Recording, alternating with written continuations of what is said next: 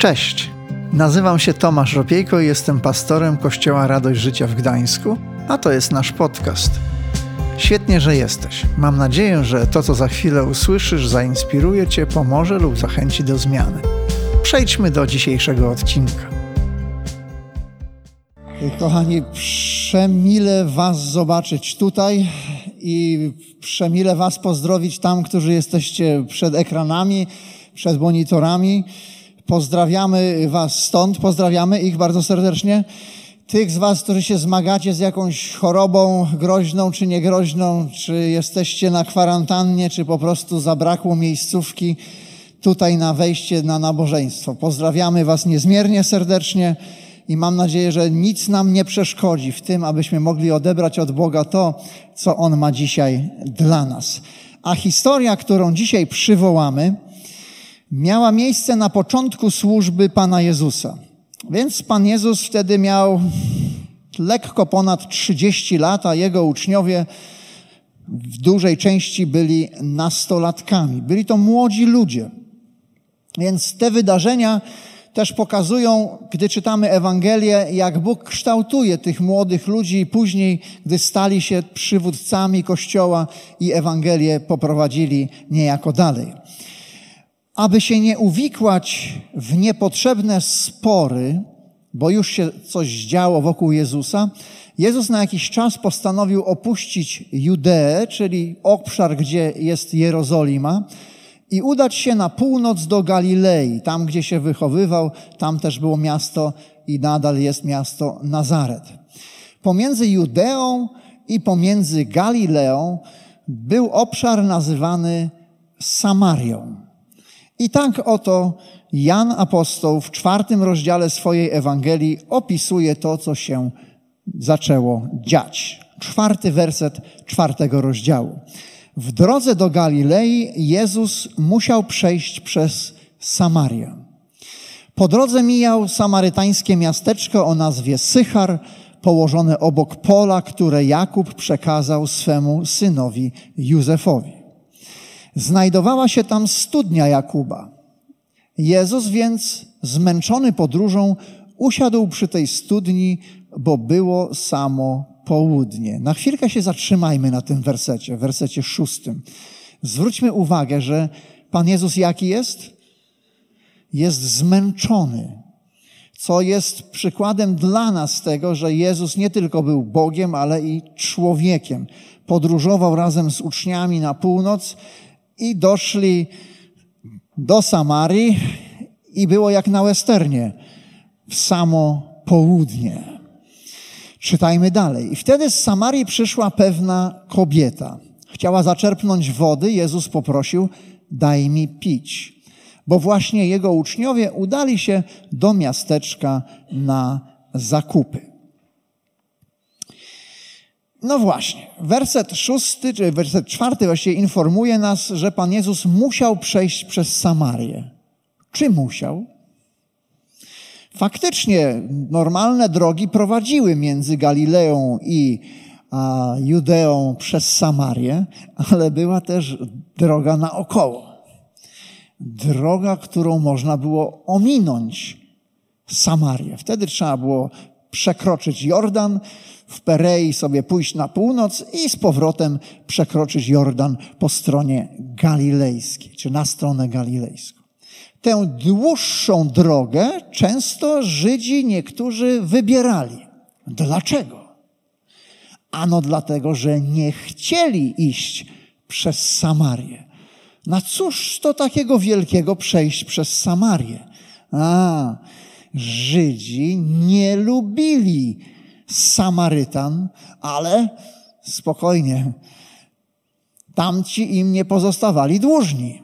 Więc między Samarytanami i Żydami istniał spór, konflikt. I o tym widzimy, czy możemy czytać w Ewangeliach, że Pan Jezus niejako prowokuje swoich żydowskich słuchaczy za bohaterów swoich historii, stawiając kogo? Samarytan, bo to nie kto inny był pomocnikiem i pomocny jak Samarytanin. Mówimy miłosierny Samarytanin. Ale my w dzisiejszych czasach jakby nie czujemy napięcia, jakie istniało między tymi dwoma nacjami. A skąd ono się wzięło? Bagatela ze 450 lat wcześniej, chwytamy to? 450 lat wcześniej mniej więcej to się wszystko zaczęło.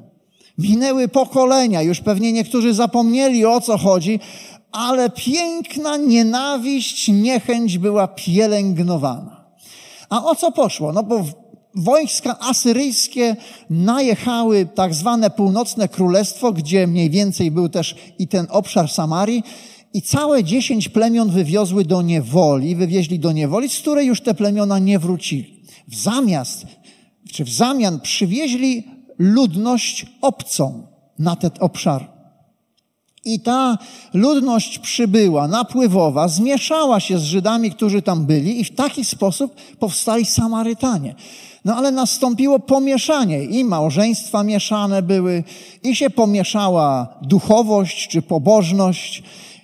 Wiele różnych rzeczy się pokomplikowało. I na dodatek, gdy południowe plemiona, czyli z Judy, wróciły z niewoli, bo te dwa akurat wróciły z niewoli, no to chcieli odbudować Jerozolimę. A w Jerozolimie do odbudowania między innymi była świątynia. Samarytanie wpadli na pomysł, że pomogą, ale ci powiedzieli nie. Wy nie będziecie tego robić. No to jak wy nie będziecie tego robić, no to co? Jak oni się mogli czuć? No, odrzuceni. Mówię, jak nie, to nie, to my sobie swoją świątynię zbudujemy. I zbudowali sobie swoją świątynię na górze Gerazim, która właśnie mieści się niedaleko tej studni, o której przed chwilą przeczytaliśmy. Więc z dziada, pradziada, z pokolenia w pokolenie przechodziła niechęć między tymi dwoma grupami społecznymi.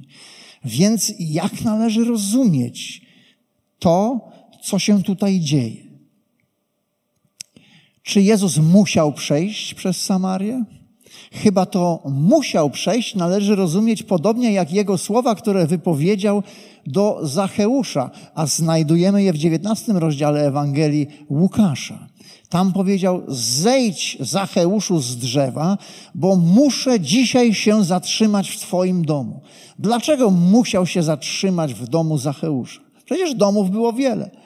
Oczywiście, że domów było wiele, ale Zacheusz był jeden, a Bóg chciał tego dnia dotknąć życia Zacheusza. I podejrzewam, że tak samo możemy interpretować ten zapis. Pan Jezus musiał przejść przez Samarię, bo chciał porozmawiać z tą kobietą przy studni, bo chciał usłużyć mieszkańcom wioski, z której ona pochodziła. Dlatego musiał. Ale żeby to wszystko wypełnić, Pan Jezus musiał przekon- czy pokonać barierę. I Pan Jezus pokonuje bariery, żeby dotrzeć do nas. To jest pierwsza bariera. Bariera tej niechęci wzajemnej między ludźmi. Samarytanka sama się dziwi, prawda? Werset dziewiąty nam to wyjaśnia. Pan Jezus prosi ją, żeby dała mu pić. A w ogóle dlaczego on ją prosi, żeby dała pić? Dlatego że studnia jest głęboka. I to nie jest tak, że tam był taki, wiecie, korba jakaś i wiaderko na łańcuszku i każdy, kto przyszedł, to, to mógł sobie zaczerpnąć. Nie, była dziura. Jeżeli nie miałeś czerpaka, to figa z makiem. To wody nie będzie. Pan Jezus nie miał czerpaka. Czy uczniowie mieli i zabrali przez pomyłkę na zakupy, tego nie wiemy. Ale wiemy, że kobieta miała czerpak. Więc Pan Jezus ją poprosił, żeby dała mu wody. A ona reaguje tak. Co się stało? Zapytała kobieta. Ty, Żyd, prosisz mnie, Samarytankę, o wodę? I zobaczcie, co tu jest w nawiasie. Bo Jan pisze do greckich odbiorców, którzy podobnie jak my nie mają za bardzo pojęcia ani nie czują tego napięcia między Żydami i Samarytanami, więc dopowiada, żebyśmy i my w XXI wieku mogli zrozumieć. Żydzi bowiem nie utrzymują kontaktów z Samarytanami. W Ewangeliach są dość smutne i zabawne historie dotyczące tego, ale nie będziemy tam wchodzić. Czy to jest sarkazm? Być może. Być może należy to tak przeczytać. Zostawmy ten werset, poproszę jeszcze na chwilkę. Um, to co? To my jesteśmy B, jesteśmy gorsi, tak? A jak coś wam, Żydom, potrzeba, to nagle jesteśmy ok?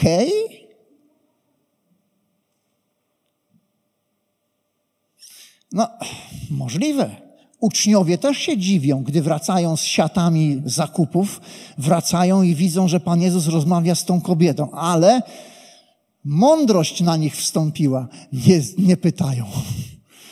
Nie pytają o co tu chodzi, tylko po prostu załatwiają te sprawy, które trzeba załatwić. W historii tej, aby dotrzeć do serca drugiego człowieka, Jezus przekracza barierę na linii Żydzi i Samarytanie. Ale umówmy się. My, którzy tu jesteśmy i ci tam w domach swoich, czy w samochodach, gdziekolwiek oglądasz i jesteś z nami na tym nabożeństwie. Każdy z nas ma swojego Żyda albo swojego Samarytanina. Mówiąc innym językiem, bliższym nam kulturowo, możemy powiedzieć, każdy ma swojego Pawlaka albo Kargula. I my możemy nazwać, gdybyśmy tak się zatrzymali na chwilę i pomyśleli, to nawet te osoby mają imiona. To są czasami konkretne osoby, no albo konkretne grupy osób, z którymi mamy problem. Pan Jezus daje nam do zrozumienia, że Bóg ze swoją miłością przekracza każdą barierę ludzkiej niechęci, uprzedzenia czy wrogości. On jednakowo kocha wszystkich ludzi, dlatego Ewangelia jest dla, dla każdego. Jest dla ciebie, dla mnie, dla ciebie tam po drugiej stronie, dla każdego z nas.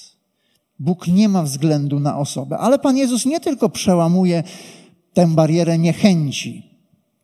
To jest jeszcze inna bariera, jaką Pan Jezus przełamuje, a mianowicie bariera obyczajów kulturowych. Albowiem w tamtych czasach rabin, którego by spotkano na rozmowie z kobietą w miejscu publicznym, najprawdopodobniej straciłby swoją reputację. Znowu, dla nas to są obce rzeczy, bo cóż to dzisiaj, że, że ja spotkam sąsiadkę i z nią porozmawiam. Przecież nie puka do mnie potem sąsiad, mówi, co się pan czepia mojej żony i z nią rozmawia. Śmiejemy się, bo przecież to absurd jest. Ale takie były wtedy czasy. Typowy rabin nie szukałby na ochotnika rozmowy z kobietą w publicznym miejscu, a dopiero co z Samarytanką i żeby jeszcze z jej naczynia pić wodę? wybaczcie. Skrupulatni rabini nawet nie pozwalali się z kobietami witać czy pozdrawiać publicznie kobiet. Więc, kochane kobiety, i tu, i tam, wtedy kobietom było dużo straszniej niż dzisiaj. To było niewyobrażalne.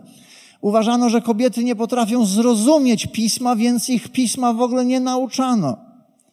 Wiele różnych rzeczy mógłbym mówić, ale, ale, ale myślę, że to nam wystarczy. Więc Pan Jezus przekracza tę barierę ortodoksyjnych obyczajów. Ale nas, ludzi dzisiaj, potrafią dzielić różne bariery. Zgodzicie się ze mną? Nasza nieśmiałość, czyli taka bariera nieobciążona emocjonalnie, po prostu jakaś taka blokada w nas. Jesteśmy nieśmiali, więc, więc nie wchodzimy w sferę życia drugiego człowieka, raczej się wycofujemy.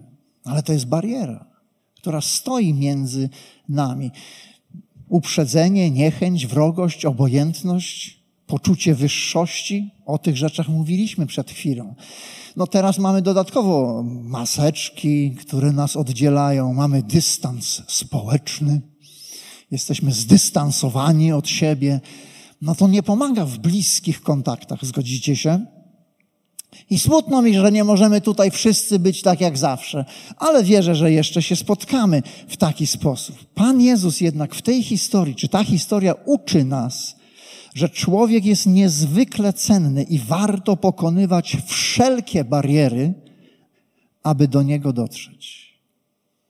Jak kochać naprawdę?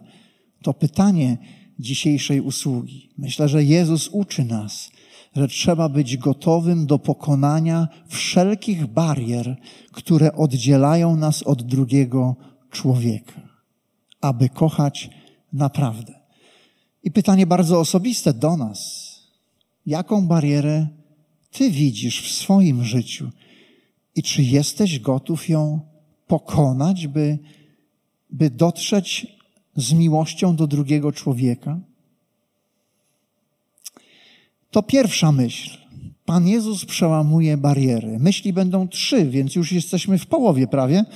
Jezus, po drugie, traktuje człowieka z godnością. Przeczytajmy od szesnastego wersetu. Dialog tam się toczy i w pewnym momencie Pan Jezus zadaje takie oto pytanie, czy mówi do kobiety. Idź, zawołaj swego męża i wróć tutaj. Wówczas kobieta wyznała, nie mam męża. Jezus na to, dobrze mówisz, męża nie masz. Miałaś bowiem pięciu mężów, a ten, którego teraz masz, nie jest twoim mężem. Powiedziałaś prawdę. Panie, zauważyła kobieta, widzę, żeś prorok. Hmm.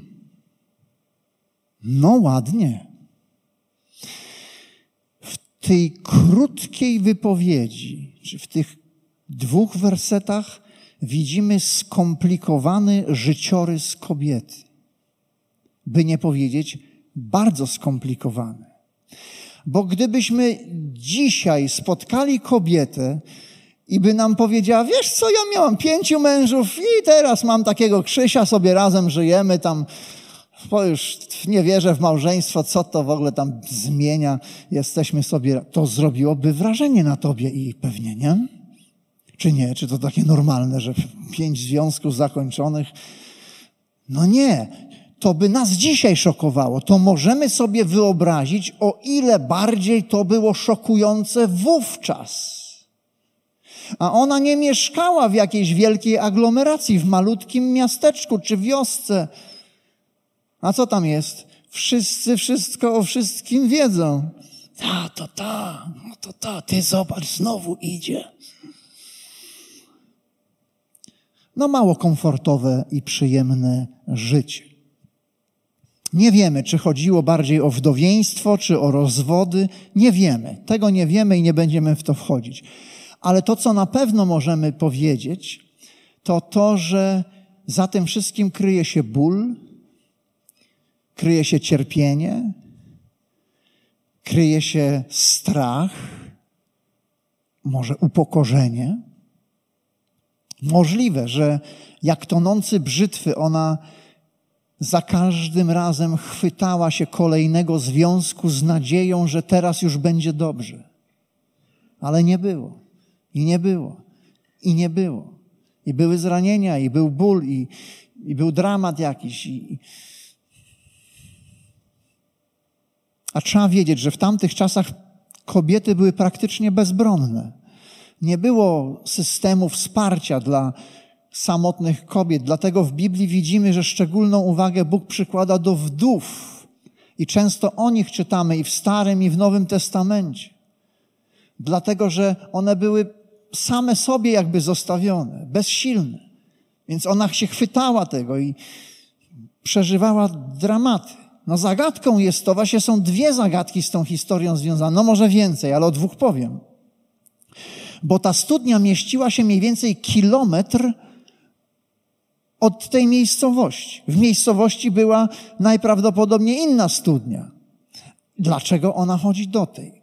Druga rzecz jest południe. W południe, w skwarze dnia zazwyczaj się nie chodziło po wodę. Chodziło się albo rano, albo wieczorem, a ona idzie w skwarze. I teraz dlaczego? Znowu, czy możemy pomyśleć, może chciała unikać ludzi, nikogo nie chciała spotkać, nie chciała widzieć tych spojrzeń albo tych kąśliwych komentarzy słyszeć na swój temat? Nie wiemy, ale to jest wielce prawdopodobne, że tak było. I to zapytanie o męża, które Pan Jezus wystosował do niej, z jednej strony jest bardzo odpowiednie, a z drugiej jest bardzo strategiczne. Odpowiednie dlatego, bo już powiedzieliśmy, że nie przystało mężczyźnie rozmawiać z cudzą żoną bez jego obecności. Więc Pan Jezus mówi, przyprowadź swojego męża, to porozmawiamy. Ale strategiczne dlatego, że skłoniło ją, by zajrzała do swojego życia i do swojego serca. To widać było, że ona, że ją poruszyło to pytanie, bo odpowiada: Nie mam męża. Takie. Pan Jezus jednak zareagował w taki sposób, że jej serce zostało otwarte. Uruchomił się dar Ducha Świętego, który znamy jako słowo wiedzy. On nie mógł znikąd wiedzieć, jej historii życia nie mógł znać. Ale Duch Święty mu objawił coś na jej temat. I to jest coś, co my możemy i powinniśmy robić gdy rozmawiamy z ludźmi, gdzieś w tle się modlić, żeby Bóg objawiał nam różne rzeczy, które możemy w rozmowie przytoczyć, które pomogą otworzyć serce ludzi. I tak właśnie było w tym przypadku. Kobieta była ewidentnie gotowa, aby spojrzeć na siebie w lustrze Bożego objawienia. Zobaczyła siebie w Bożym świetle. Jakże inne to jest światło od ludzkiego. Bo gdy człowiek, drugi człowiek, nawet w mając dobre intencje, mówi o naszych błędach, o tym, co nas boli, to my się stroszymy, my się jeżymy, my zaczynamy uruchamiać mechanizmy obronne, nie czujemy się komfortowo. A w tej sytuacji widzimy, że ona nie czuje się atakowana. Nie jest to piękne, że gdy Bóg przychodzi do naszego życia i objawia nawet nasze grzechy, nasze najczarniejsze z różnych rzeczy, On tego nie robi, by nas potępić i my nie czujemy się, nie musimy się bać, że On teraz wszystkim to powie. Nie, to by dopiero było ten. Pan Bóg to by mógł, jak nie, wszystko o wszystkich wie. Jakby on uruchomił tę wiedzę, to by było dopiero Boże Leaks. Było kiedyś Wikileaks, czy jakie to Leaks, to dopiero by było. Hiu. Ale Bóg tego nie robi. Bo gdy On przychodzi do Twojego i mojego życia ze światłem, przychodzi, aby to uzdrowić, aby to zabrać, aby nasze życie oczyścić i przy Bogu czujemy się bezpiecznie, prawda? Tak ona się czuła. Chyba była zdumiona, jak dobrze Jezus czyta jej serce i że sięga dużo dalej poza stwierdzenie tylko miałaś pięciu mężów, coś ciebie za kobieta. Sięga do jej serca i ona pozwala, żeby Pan Jezus dotknął się jej serca być może po raz pierwszy spotkała kogoś, kto zamiast krytycznej wyższości okazał współczucie. W Jezusie spotkała przyjaciela, nie krytyka. Kogoś, kto bardziej starał się zrozumieć niż potępić. Jest tym zaintrygowana. Co się dzieje? Kim on jest? Nie zna go. To jest początek służby Jezusa, więc to nie jest tak, że on jest już znany, aż tym bardziej w Samarii. Ale to jest niezwykle piękne i pociągające, jeśli chodzi o Jezusa. Gdy czytamy Ewangelię, widzimy, jak On traktuje ludzi. Szczególnie tych właśnie poturbowanych, ze skomplikowanym życiorysem, odrzuconych, jak On przychodzi ze swoją miłością i łaską i ich życie ożywa. To, co żeśmy śpiewali, Ty czynisz piękno z popiołów. To właśnie Bóg czyni z Tobą i ze mną, jeśli otwieramy nasze serca na Niego. I każdy z nas ma jakąś historię, prawda? Wielu z nas ma historie, o których by chciało zapomnieć i chciałoby nikomu nigdy więcej o nich nie mówić. Prawda? Im szybciej poznamy Jezusa, tym pewnie mniej mamy na sumieniu, mniej błędów popełnionych, mniej różnych komplikacji życiowych. Ale tak sobie czasem może myślisz i ty. Czy moje życie nie jest zbyt skomplikowane dla Jezusa? Czy ja się nadaję do tego, żeby być z Nim, żeby być w kościele? Przecież gdyby ci ludzie wiedzieli, skąd ja przychodzę, to by palcami mnie pokazywali. Ta historia pokazuje nam, że jest zupełnie inaczej.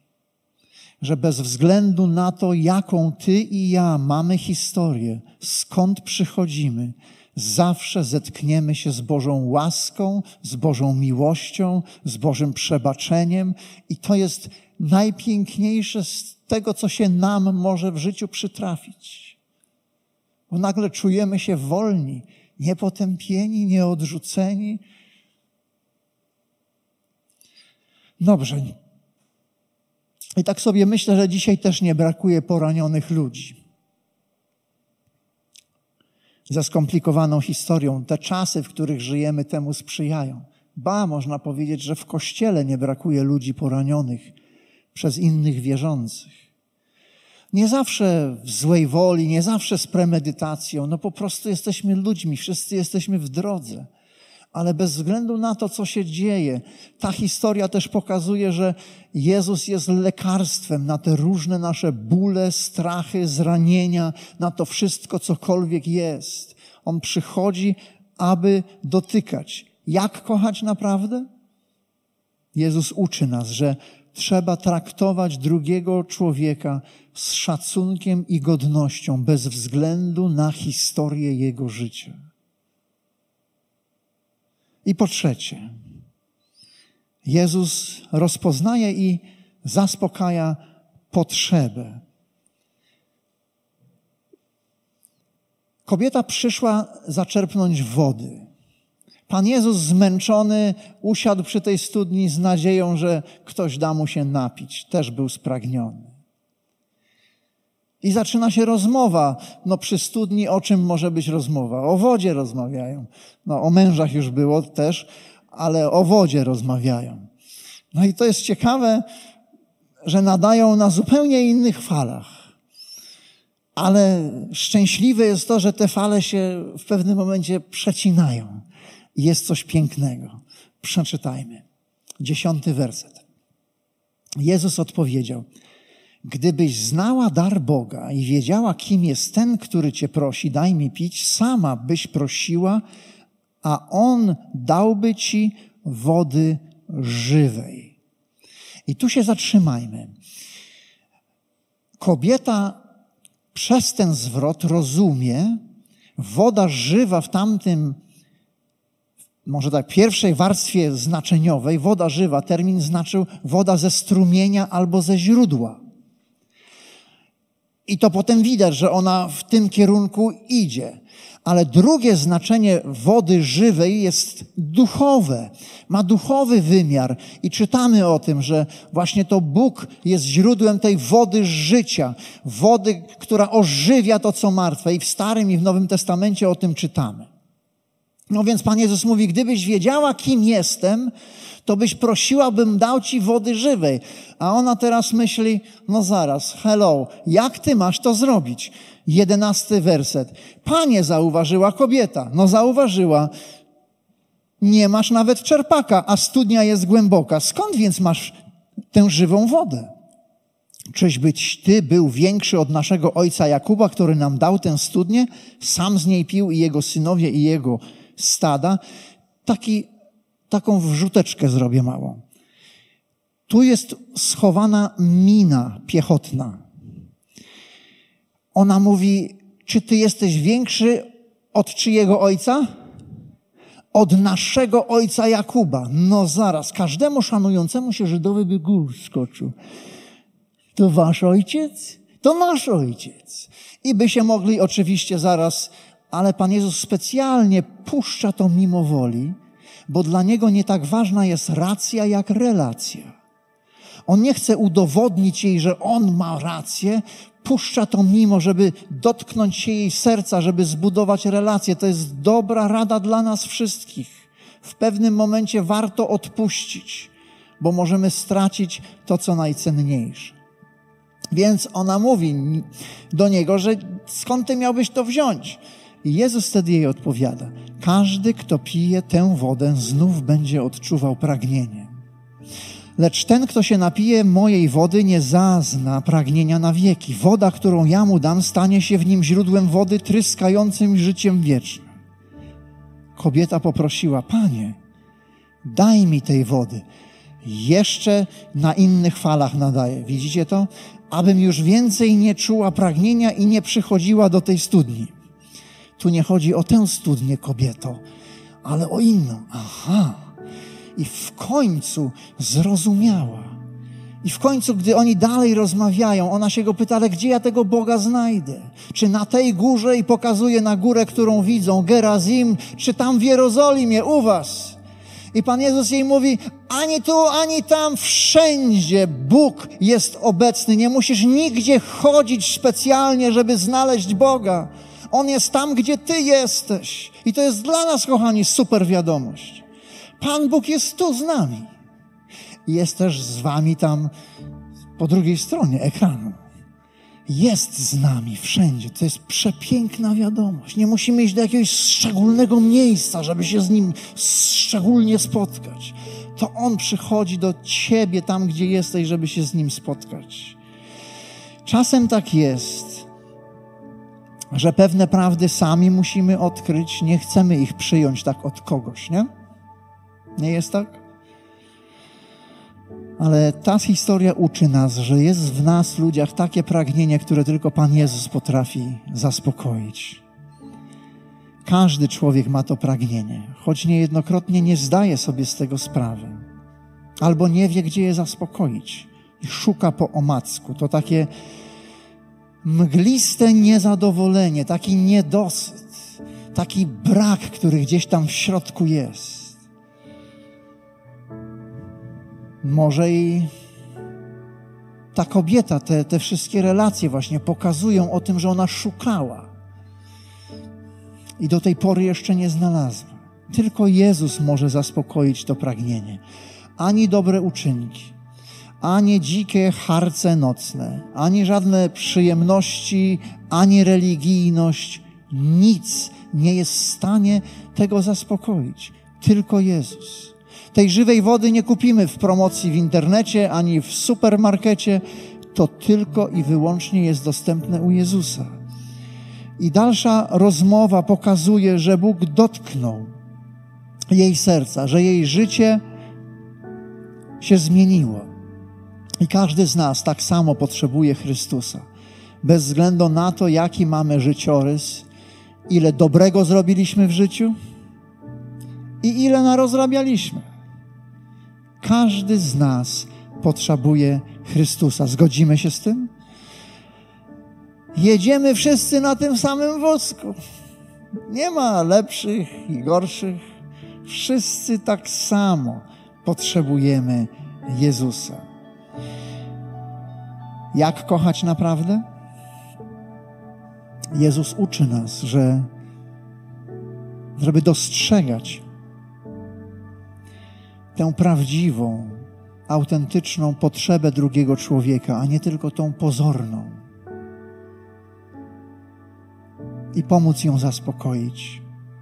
Życie Samarytanki się zmieniło i ta przemiana była natychmiastowa. Jak ja pamiętam, jak ja oddałem swoje życie Jezusowi, to też zmiana była natychmiastowa. Ja jak w kowrontach byłem. Pamiętam, jak swojemu koledze opowiadałem, że Nowy Testament i tu mu pokazuje, i tu mu pokazuje. On patrzył na mnie, jakbym i z tą kobietą było podobnie. Ona dzban zostawiła i gna z powrotem do tej wioski, do tych ludzi, z którymi chyba był delikatny problem, ale woła ich i ona woła i oni przychodzą do Jezusa i, i On im opowiada to proszą, żeby został z nimi. Zostaje dwa dni i potem oni mówią, teraz już wierzymy nie dlatego, że ona nam powiedziała, ale sami żeśmy doświadczyli tego.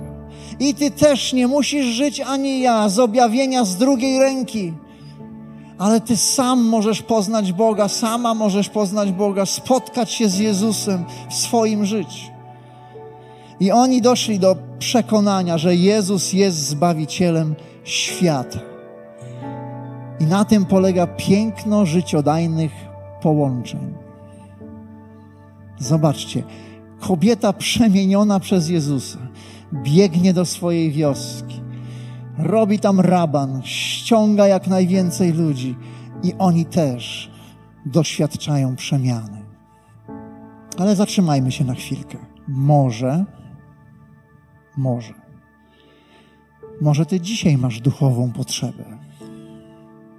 Tak siedzisz i rozmyślasz o tym, a może nawet Twoje myśli biegną gdzie indziej do rzeczy, która Ciebie martwi, która Ciebie boli. Może nigdy nie oddałeś życia Jezusowi, a może po prostu ta sytuacja, która dzisiaj jest, jest trudna i, i martwisz się czymś, a może się czegoś obawiasz. Może chcesz, aby Bóg oczyścił Twoje serce z wyniszczającego grzechu, bólu, strachu, smutku, czegokolwiek. Czy ktoś z Was ma taką potrzebę? Chce, aby Pan Jezus dotknął się Was. Tak? Ktoś jest? Możecie pomachać do mnie? Za chwilę się pomodlimy. To nie wstyd mieć coś takiego, taką potrzebę. Ja też mam taką potrzebę. Ja zawsze chętnie więcej wezmę od Pana Jezusa. Jeżeli Ty jesteś po drugiej stronie, tam gdzie oglądasz, i też masz taką potrzebę, skłońmy teraz głowy nasze w modlitwie. Panie Jezu, dziękujemy Ci za to, że, że u Ciebie jest woda życia, która wypłukuje z nas wszelkie toksyny duchowe, wszelki grzech, wszystko to, co nas obciąża. I modlimy się teraz, Panie, aby taki w przenośni mówiąc strumień tej życiodajnej wody przepłynął przez nasze życie, Panie. Niech wypłucze grzech, niech wypłucze strach, ból, cierpienie, cokolwiek jest, troskę, zmęczenie. Panie Jezu, Tobie chcemy to powierzyć i dziękujemy, że o nas się troszczysz. Amen. Tak jak Paweł wcześniej powiedział, w tym tygodniu, czy w tym miesiącu i w przyszłym rozmawiamy o tym, co jest dla nas ważne, dla, dla naszego Kościoła, jakimi wartościami chcemy się kierować. I ta historia mówi o naszej drugiej wartości. Pierwsza wartość brzmiała: Jezus to nasze życie, a druga: ludzie to nasze serce. I chcemy być kościołem, który właśnie odzwierciedla to serce Jezusa, jakie widzimy w tej historii. Dla drugiego człowieka, dla ludzi, których On tu przysyła do nas, z którymi się na co dzień spotykamy w pracy, w, na zakupach, gdziekolwiek. Chcemy być środowiskiem ludzi, które ma serce dla drugiego człowieka. Chcemy jak Jezus być gotowi przełamywać różne bariery, które nas oddzielają, aby, aby zanieść to poselstwo Bożej miłości do drugiego człowieka, łamać jakieś stereotypy, które są, aby rzeczywiście ta moc Jezusa mogła się manifestować w życiu innych ludzi. Chcemy być jak Jezus. Chcemy być? Powiemy amen na to? Chcemy być jak Chrystus, wrażliwi na potrzeby z naszego otoczenia. Chcemy być jak Jezus, gotowi nieść ciężar drugiego człowieka. Chcemy być, prawda? Chcemy? Chcemy, bo człowiek jest najcenniejszym skarbem, jaki Bóg ma na ziemi. I to nie jest żaden slogan, bo to Syn Boży przyszedł po to z nieba, aby oddać swoje życie za Ciebie i za mnie. Co On takiego w nas widział? My się sami zastanawiamy czasem, nie? Co on takiego w nas widział? A jednak widział, bo ty i ja jesteśmy skarbem dla niego. ale skarbem dla Niego są ludzie, których tutaj nie ma. Ci, którzy nas oglądają, są skarbem. Ci, którzy odsypiają wczorajsze noce, są skarbem. Ci, którzy ciężko pracują w szpitalach, gdziekolwiek dzisiaj, są skarbem. Ci, którzy są chorzy, gdzieś się zmagają, też są skarbem. Twoi sąsiedzi są Jego skarbem. Można by tak długo mówić. Chcemy być gościnni, otwarci dla ludzi, którzy tu przychodzą. No ale są bariery czasem. No ja, pastorze, nie wiem, tak nieśmiały jestem, nie wiem jak zagadać. No nie wiem powiedzieć pani, siostro, wujku, nie wiem co powiedzieć. To powiedz, nie wiem co powiedzieć, ale cieszę się, że jesteś. I się uśmiechnij. No z maseczką jest trudniej, ja rozumiem, ale podobno jak się uśmiechamy nawet z maseczką, to po oczach widać. Widać po oczach, to uśmiechajmy się oczami do siebie nawzajem, gdziekolwiek jesteśmy. Odzwierciedlajmy to Jezusowe serce. Chcemy świadomie dbać o relacje, tworzyć te życiodajne połączenia, zapraszać siebie na kawę, na obiad. Wspólnie może oglądać nabożeństwa, jak nie dostaniemy miejscówki, to się skrzyknąć we dwóch, w trzech, żeby było bezpiecznie, żeby nie było, że, że coś tam się będzie działo. Zapraszać siebie na małe grupy. Chcemy być takim kościołem? Chcę usłyszeć jeszcze po drugiej stronie ekranu, czy chcemy być takim kościołem. Chyba coś było, ale nie jestem pewien. Pomódlmy się, kochani. Wstańmy razem, pomódlmy się o to, abyśmy takimi ludźmi mogli być, takim kościołem. Podziękujmy Jezusowi za Jego niezwykłe serce dla nas. Panie nasz, naprawdę dziękujemy Ci za to, jak bardzo Ty nas kochasz. Co Ty w nas widzisz, tego do końca nie wiemy. Ale dziękujemy Ci, Boże, za to, że ukochałeś nas, że oddałeś swoje życie, że byłeś gotowy przekroczyć każdą barierę, żeby dojść do naszego serca. Ucz nas takiej samej miłości. Ucz nas pokonywać wszelkie bariery, jakiekolwiek nas oddzielają od innych ludzi, by nieść im Twoją miłość. Prosimy Ciebie, Panie, chcemy być takim Kościołem. Naucz nas być podobnymi w tym do Ciebie. Czy możemy powiedzieć Amen? Amen. I zaśpiewajmy teraz dla Boga. Dzięki, że zostałeś z nami do końca. Pamiętaj, że odcinki pojawiają się w każdy poniedziałek o 18. Jeśli chcesz dowiedzieć się o nas więcej, to wejdź na stronę kazetgdańsk.org. Do usłyszenia.